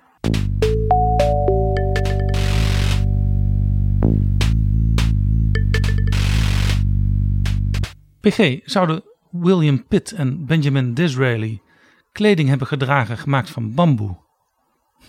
Het zou wel erg gepast hebben natuurlijk bij dat Empire, hè Jaap? Ja, en het zit zo lekker zacht. Dus hoe lang je ook op die harde bankjes in het lagerhuis moest zitten, je had lekker dat bamboe aan. En allemaal heel nauw en warm. Ja, we maken natuurlijk een grapje, PG, want kleding gemaakt van bamboe, dat is juist iets heel nieuws wat je nu bij Bamigo kunt krijgen. Bamigo is een merk dat nog niet zo lang bestaat. En die maken onder andere van die fijne boxershorts, maar ook polo's en zelfs joggingbroeken. Ik denk dat William Pitt en Benjamin Disraeli geen joggingbroeken droegen. Nee, dat denk ik niet. Dat denk ik niet. Maar bijvoorbeeld de nieuwe hemden, de overhemden, Ja. dan weer wel. Overhemden hebben ze ook Bamigo. En, en, en, en, en, en Disraeli was wel een beetje een dandy. Dus ik denk dat hij die panda kleding van Bamigo, dat hij dat wel spannend zou vinden. Ja, en misschien als je go- goed keek onder die lange jas van Disraeli, dat je toch nog soms een joggingbroek had kunnen aantreffen als Bamigo ze toen al had gemaakt. En als Benjamin Disraeli gebruik had gemaakt van de 25% korting die je op je eerste order op bamigo.com kunt krijgen. Maar dan moet je via wel, betrouwbare bronnen. Dan moet je natuurlijk wel, ook als Britse premier, naar betrouwbare bronnen luisteren. Ja, en eh, als je dan snel even opschrijft de geheime code bron25, dan eh, komt het allemaal voor elkaar. Dus ga naar bamigo.com. Ik zeg het in het Engels, dat is handig voor Engelsen. Bamigo.com en gebruik de code bron25 op je allereerste order. Dus je moet ook meteen bedenken, ik ga niet één boxershort aanschaffen, maar meteen een heleboel dingen, misschien ook overhemden. Bron25. Dan komt alles voor elkaar. So listen very carefully, Rishi. Bamigo.com, Bron 25.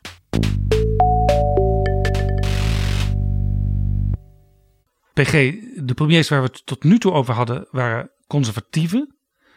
We gaan het nu hebben over een liberal. De laatste liberal premier zelfs in de geschiedenis. Dat is David Lloyd George. Heel interessant, want hij was premier op het moment dat Kort van der Linden in Nederland premier was. En die was voor Mark Rutte ook de laatste liberale premier. Er zijn nog meer overeenkomsten met mensen als William Pitt en ook Disraeli. Hij was een zeer succesvolle Chancellor of the Exchequer en legde de basis voor een moderne financiering van allerlei sociale voorzieningen. En hij is eigenlijk de grondlegger van de welfare state in Engeland. En daarin lijkt hij dus op Disraeli's grote vriend Bismarck. Ja, en maar hierin weerlegt hij dus een klein beetje wat jij zojuist zei bij Disraeli. Dat liberalen eigenlijk alleen maar oog hadden voor ondernemers en niet dachten aan de mensen aan de onderkant. Lloyd George was dus ook iemand van die groep die wij ook in Nederland, zeg maar in de late 19e eeuw leerden kennen, van die sociaal-liberalen. Zoals wij besproken hebben in de aflevering over de sociaal-liberale kanon. En met Rob Jetten over zijn Kerdijk-lezing, want Kerdijk was zo'n, zeg maar, Lloyd George-achtige liberaal. Waarom hebben we het over Lloyd George in dit rijtje? Nou, hij was een heel bijzonder iemand qua achtergrond. Hij was eigenlijk een wees, werd opgevoed door zijn oom en zijn moeder. En die oom was een schoenlapper. Dus je hebt het echt iemand uit het volk. Hij was bovendien heel vroom. Dat een hele gelovige man. En maakte dus zijn neefje, die goed kon leren en slim was, heel politiek bewust. In de zin van de samenleving moet eerlijker. Hè, dan natuurlijk vanuit het idee zoals God dat wil. Daarom dus dat hij een progressieve liberaal werd die ook die sociale vernieuwingen wilde doorvoeren. En het maakte deze politicus om gewoon andere reden bijzonder. Hij was een zeer trotse Welshman. Hij was de eerste, zeg maar, nationalist uit Wales die premier van Engeland werd. Hij heeft, dat is ongekend in de geschiedenis, van 1890 tot zijn dood in 1945, 55 jaar, hetzelfde kiesdistrict in Wales vertegenwoordigd. Vandaar dat, dat hij ook de bijnaam kreeg de Welsh Wizard. De tovenaar van Wales, want hij was berucht om zijn politieke handigheid, zijn politiek vernuft en zijn volstrekt gebrek aan enige scrupules. Dat had hij van die zeer vrome schoenlapperoom niet meegekregen. En hij was in meerdere opzichten sociaal. Hij hield zich ook bezig met onderwijshervormingen, met verbetering van de zorg. En hij heeft ook ehm, het kiesrecht voor vrouwen bevorderd. Het, zowel het algemeen kiesrecht als het kiesrecht voor vrouwen zijn, na heel veel demonstraties natuurlijk, het werk van Lloyd George die dat heeft doorgedrukt meteen na de Eerste Wereldoorlog. Dus vrijwel hij op zei, hetzelfde moment als in Nederland. zijn lijn was ook van de soldaten komen terug. De vrouwen, ja, die al heel veel werk hebben gedaan. Niet alleen maar als verpleegster, die komen terug. Die hebben voor het vaderland gebloed. Ik vind het onverantwoord dat zij niet als goede burger nu kunnen meebeslissen. Ja, Dat was zeer gedurfd. interessant. Dat was in 1918 en er wordt wel eens over Nederland gezegd. Algemeen kiesrecht voor mannen. eh, 1917 voor vrouwen twee jaar later. Dat Nederland laat was. Maar de Britten deden het op hetzelfde moment. Zeker. Het was dus een enorme doener. En daarin dus heel weer vergelijkbaar met William Pitt. Innovatief, krachtig, groot aantal terreinen. Maar volstrekt anders dan William Pitt. Eh, eh, als het ging om, zeg maar, persoonlijke verrijking. eh, de minder mooie, meer egocentrische, om geen erger woord te gebruiken, aspecten die politici ook soms hebben. Eh, hij is bijvoorbeeld als premier ten val gekomen in 1922, na zes jaar.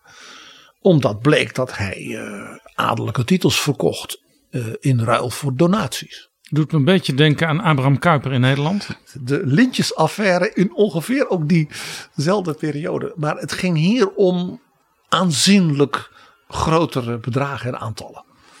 Wat ook bijvoorbeeld een punt was als minister. Steunde hij de aanleg van de allernieuwste communicatietechnologie. En het was natuurlijk het werk van de Italiaanse uitvinder Marconi. Telefoon. Telefoon en telegraaf. Nou, hartstikke goed zou je zeggen. Fantastisch. En moest natuurlijk met geld van de overheid. Want anders kon je, kon je natuurlijk niet zo'n kabel naar Amerika. En de- vanwege natuurlijk ook het empire. Iedereen begreep dat Engeland dit moest doen. En erin moest investeren. Om natuurlijk dat empire bij elkaar te brengen. En daar ook greep op te houden. Ja, dus daar kreeg hij wel meerderheden voor. Daar kreeg hij meerderheden voor. En hij vertelde in het eh, lagerhuis dat, dat eh, eh, de overheid hoefde er beide niks voor te betalen. Dat is heel fijn natuurlijk. Als cha- chancellor kon hij dat zeggen. Want er waren particuliere investeerders via de banken en die gingen dat doen. En die hadden een soort garantie van de overheid. En dat kwam allemaal goed.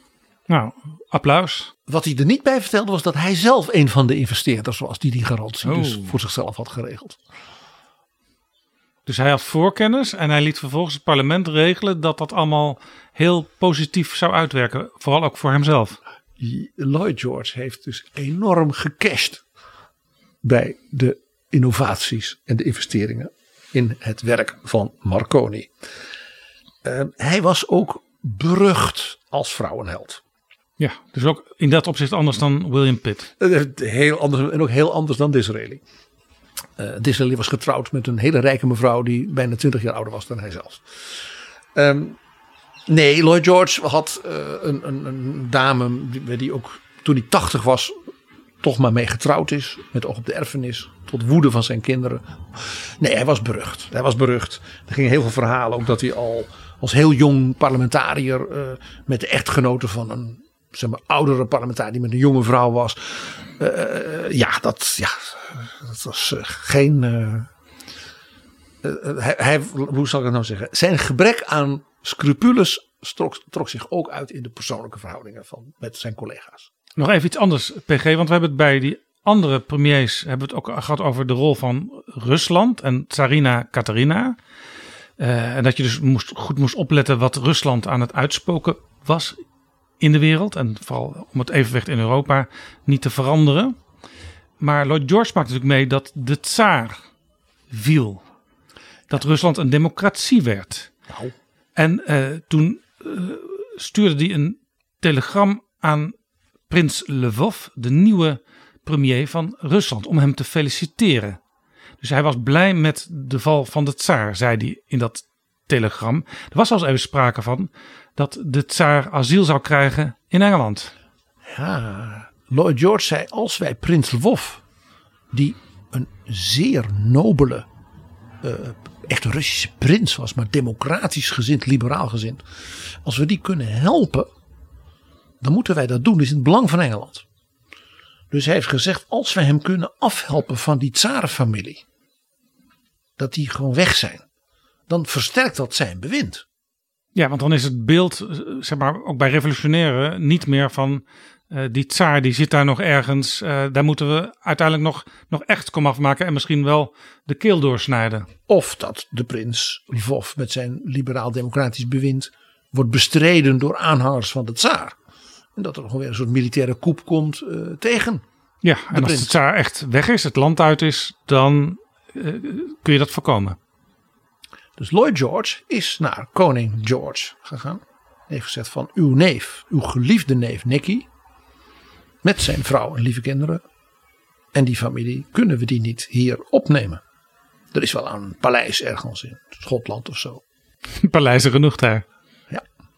Het heeft, is pas veel later uit de geheime stukken zichtbaar geworden. Het was koning George die dat blokkeerde. Oh, Want die was bang dat dan de arbeiders in Engeland in opstand zouden komen.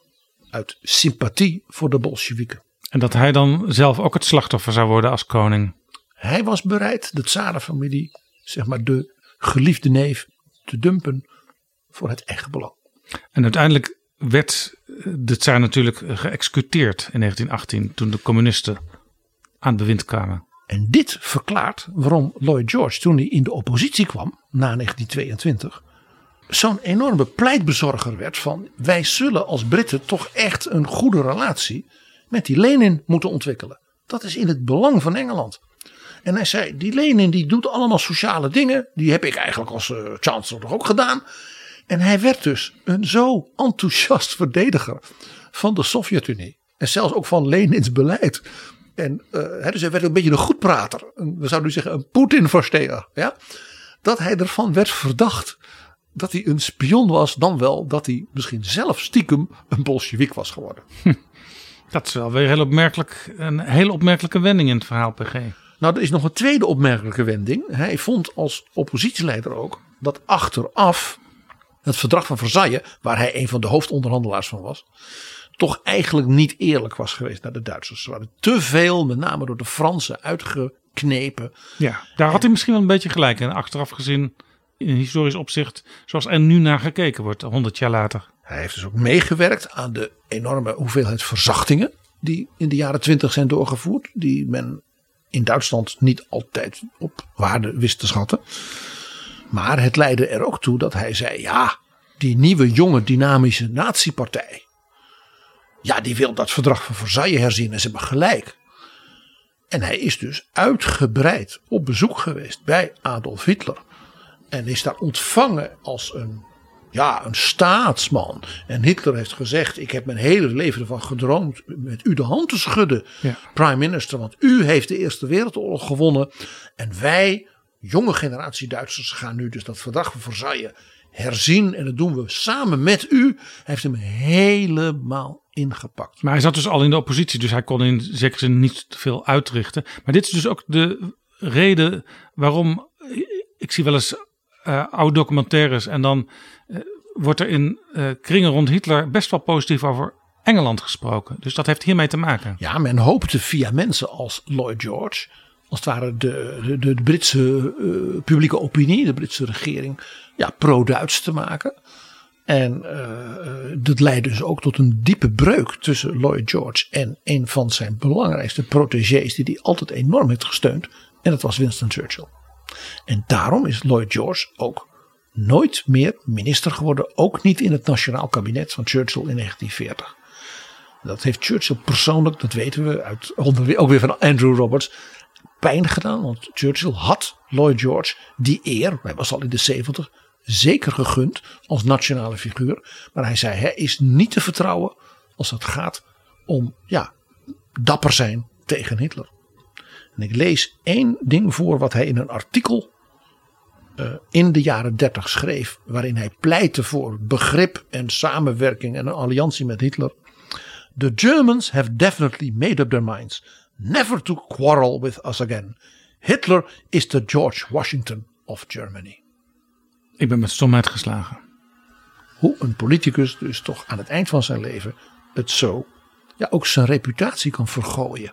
Niettemin, de historici zeggen allemaal, als je terugkijkt op dat lange politieke leven, David Lloyd George is een van de meest indrukwekkende premiers geweest. En ook als chancellor een van dus de grote vernieuwers van Engeland. Neefje van die arme schoenlapper uit Wales. En ik ben wel eens in het eh, gebouw, het hele oude gebouw in Londen geweest van de Liberal Democrats. En daar hangt ook een heel groot schilderij van David Lloyd George in het trappenhuis. En dat hangt er dus uiteindelijk toch niet voor niets. Dat heeft ook best wel een reden eh, die je nog steeds, eh, ja, je kunt nog steeds voor hem applaudisseren zou je kunnen zeggen. Ja, maar hoewel. Ondanks dus- alles. Ja, ondanks, dat, hè, ondanks zijn geweinige scrupules zakelijk en persoonlijk en seksueel en wat dan niet. En zijn toch wel ernstige ja, misvatting ten aanzien van Nazi-Duitsland. Dit is Betrouwbare Bronnen. PG, we gaan richting het einde van deze aflevering. Maar jij wilde toch nog heel graag eventjes ook Margaret Thatcher aanstippen. Maar dan wel echt aanstippen, want we hebben het natuurlijk al vaker over haar gehad. We gaan het ongetwijfeld ook nog wel over haar hebben in andere afleveringen. Maar je kunt als je het over het aantreden van Rishi Sunak hebt, natuurlijk niet, niet hebben over mevrouw Thatcher. Zij was de eerste vrouw en daarna kwam er nog een vrouw en toen kwam er nog een vrouw. Dus de Britten die lopen al drie vrouwen voor op bijvoorbeeld Nederland. Dat, maar Margaret Thatcher is ook net als de Welsh Wizard iemand van de sociale doorbraak. Een vrouw, een beta-studente Ze heeft wel in Oxford gestudeerd. in Oxford, omdat ze zo goed, hè, de beta, chemie. Maar ze was de dochter van een kruidenier, die net als dus hè, dat hele eenvoudige milieu van David Lloyd George, vooral ook aangewakkerd werd door het diepe geloof. Ook daar weer, dus niet het klassieke van de Anglikaanse kerk. Hè. Margaret Thatcher groeide op in een methodistisch gezin. En haar vader was een kruidenier, maar ook wethouder in dat dorp waar ze opgroeide. Dus ook heel politiek bewust. En dat is een heel interessant element wat je dus in die Britse geschiedenis ziet. Dus mensen uit de lagere volksklasse die door ambitie, maar ook door een sterk dus religieus gedreven politiek besef als daar omhoog komen. Ja, ze was wel enorm ambitieus, want ze slaagde er ook in om president te worden van de Oxford University Conservative Association. En ze was slim, natuurlijk, ze was verliefd op Dennis Thatcher, die ze in haar jonge jaren al ontmoette. Eh, Maar dat was ook een hele succesvolle en uiteindelijk ook heel rijke zakenman. Dus Ja, het geld heeft- kwam uiteindelijk wel binnen in, de, in het gezin van Margaret. Dat, maar dat kon ze natuurlijk van tevoren niet weten. Dat ze met die hele rijke olie eh, CEO Dennis zou trouwen. Ze was natuurlijk in haar kabinetten vaak de enige vrouw. Want dat moeten we ook zeggen. Margaret Thatcher was geen feminist.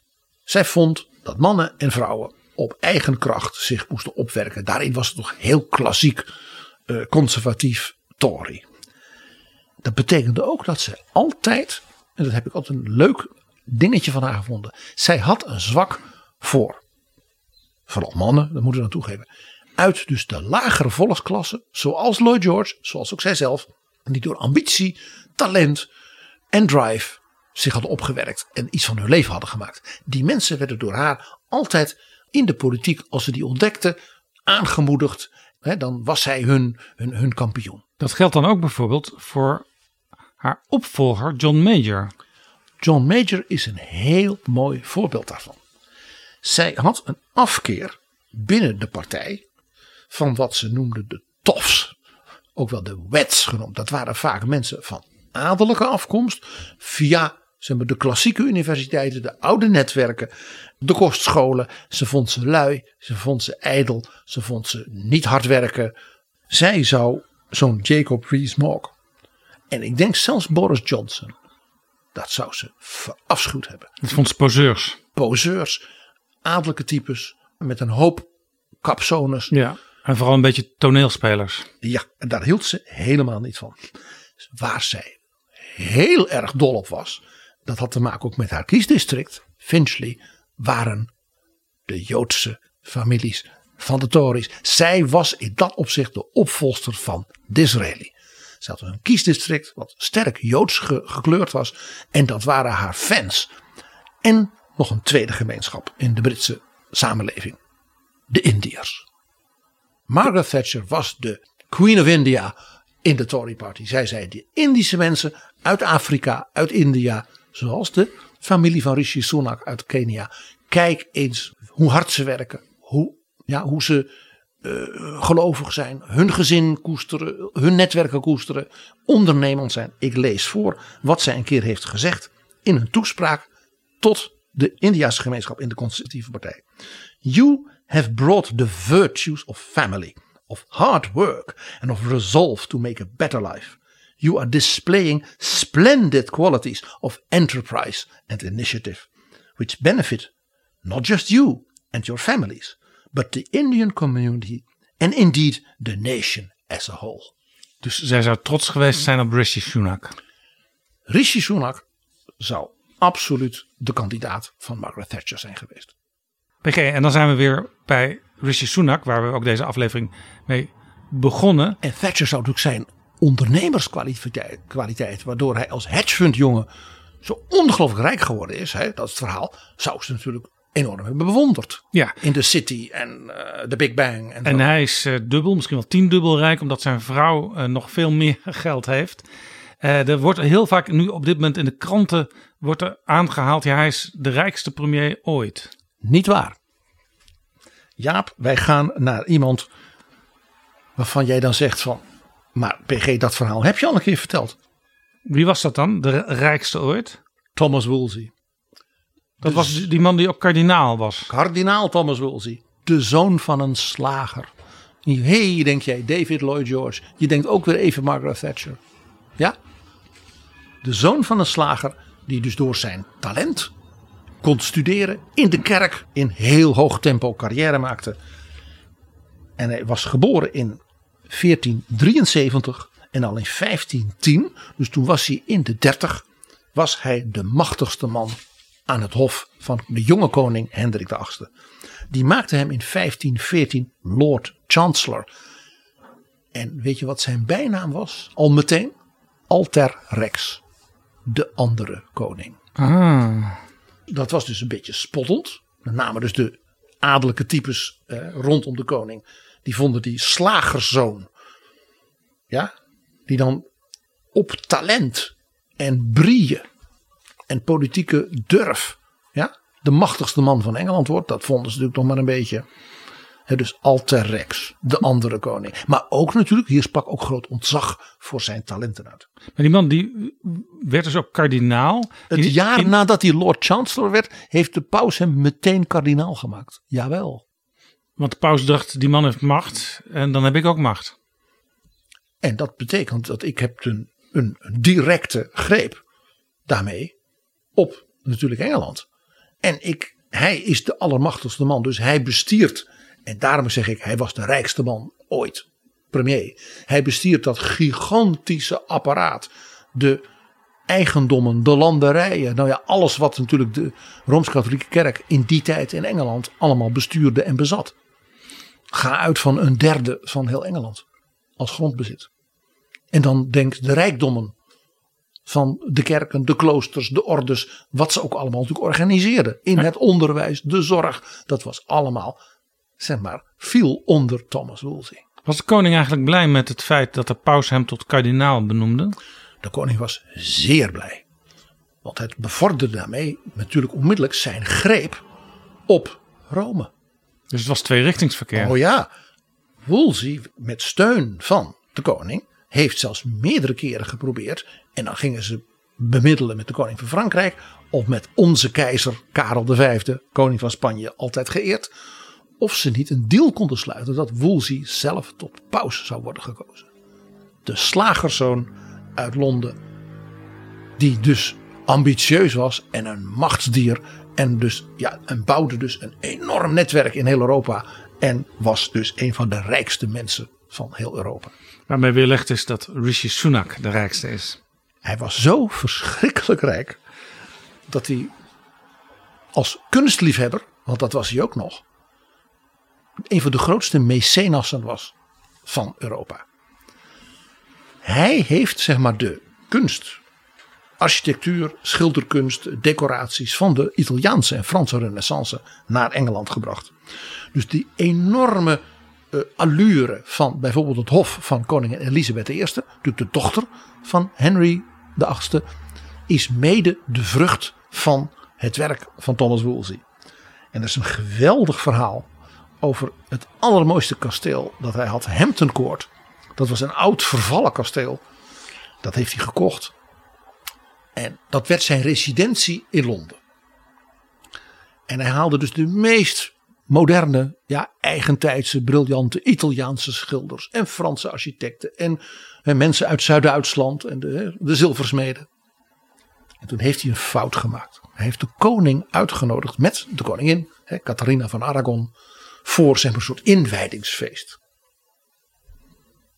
En de koning komt dus binnen en hij buigt natuurlijk voor hem. En de koning ziet die entreehal en die denkt, die man heeft een tien keer mooier, chiquer, moderner, glanzender paleis dan ik.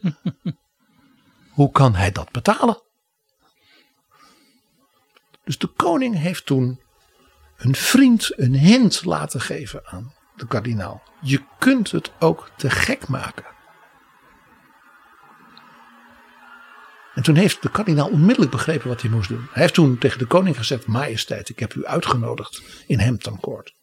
En ik zag ook dat de koningin als Spaanse prinses iets schitterend vond, deze Zuid-Europese renaissance chic. U begrijpt toch waarom ik dit heb gedaan. Ik schenk u dit ter gelegenheid van uw verjaardag. Zo was hij dan ook wel weer, onze Thomas. Hij dacht, als de koning jaloers wordt op het feit dat ik zo rijk ben en zoveel smaak heb. En dat allemaal voor elkaar krijg en blijkbaar zulke netwerken in Italië en overal heb. Dan moet ik gaan oppassen. En Jaap, zo komen we via de jaloezie van Hendrik VIII uiteindelijk terug bij William Pitt.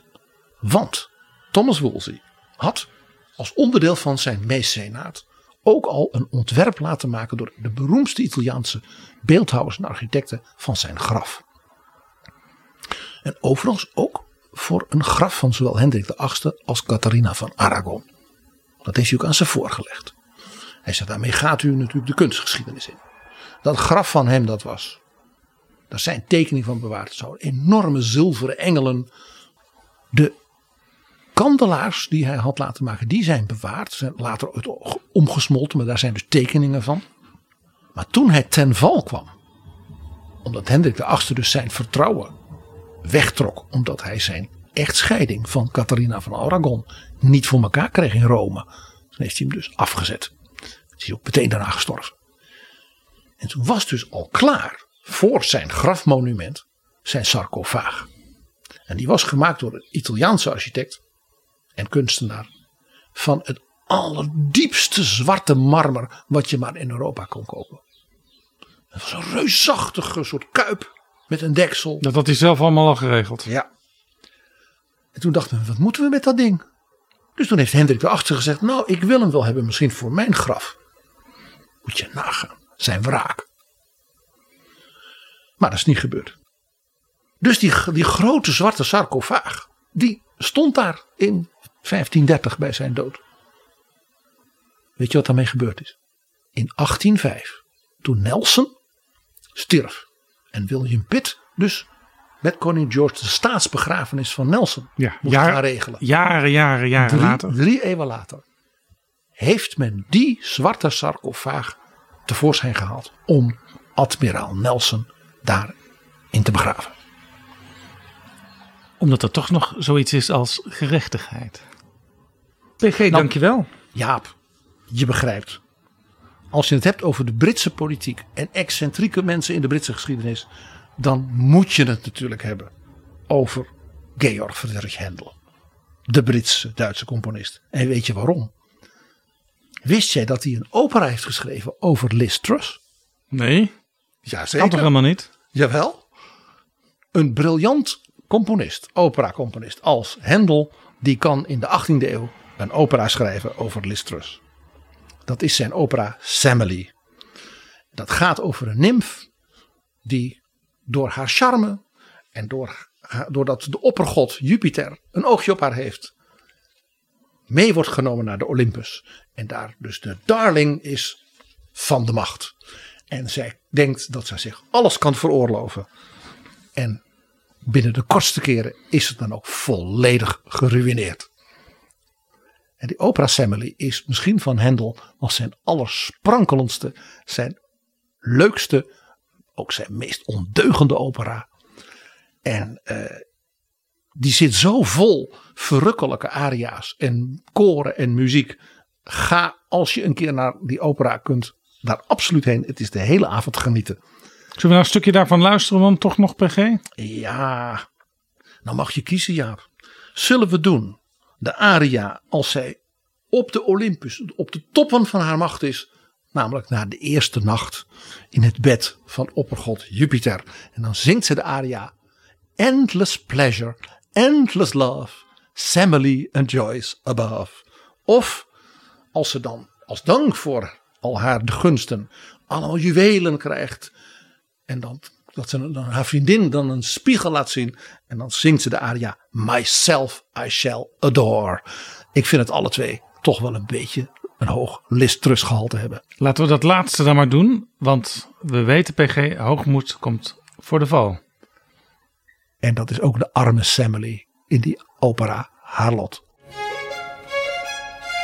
Myself I shall adore if I persist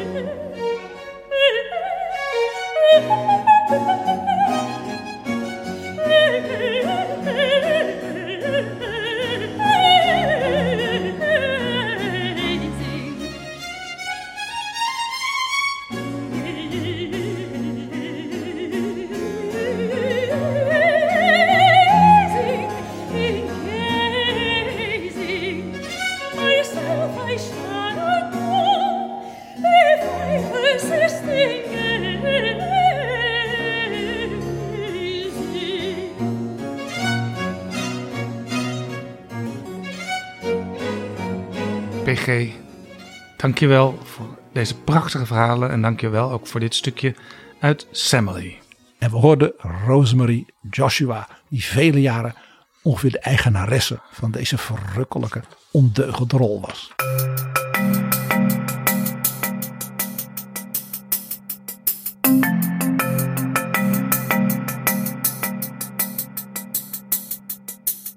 Zo, dit was Betrouwbare Bronnen, aflevering 303. Deze aflevering is mede mogelijk gemaakt door Rishi Sunak. Oh nee, dat, kan, kunnen we natuurlijk niet zeggen, want dan denken ze bij het commissariaat van de media dat dat echt waar is. Nee, deze aflevering is natuurlijk mogelijk gemaakt door de vrienden van de show. Als je ons ook wil helpen met een donatie, dan ben je hartelijk welkom. Ga naar vriendvandeshow.nl slash bb. Tot volgende keer. Betrouwbare bronnen wordt gemaakt door Jaap Jansen in samenwerking met dag en nacht.nl.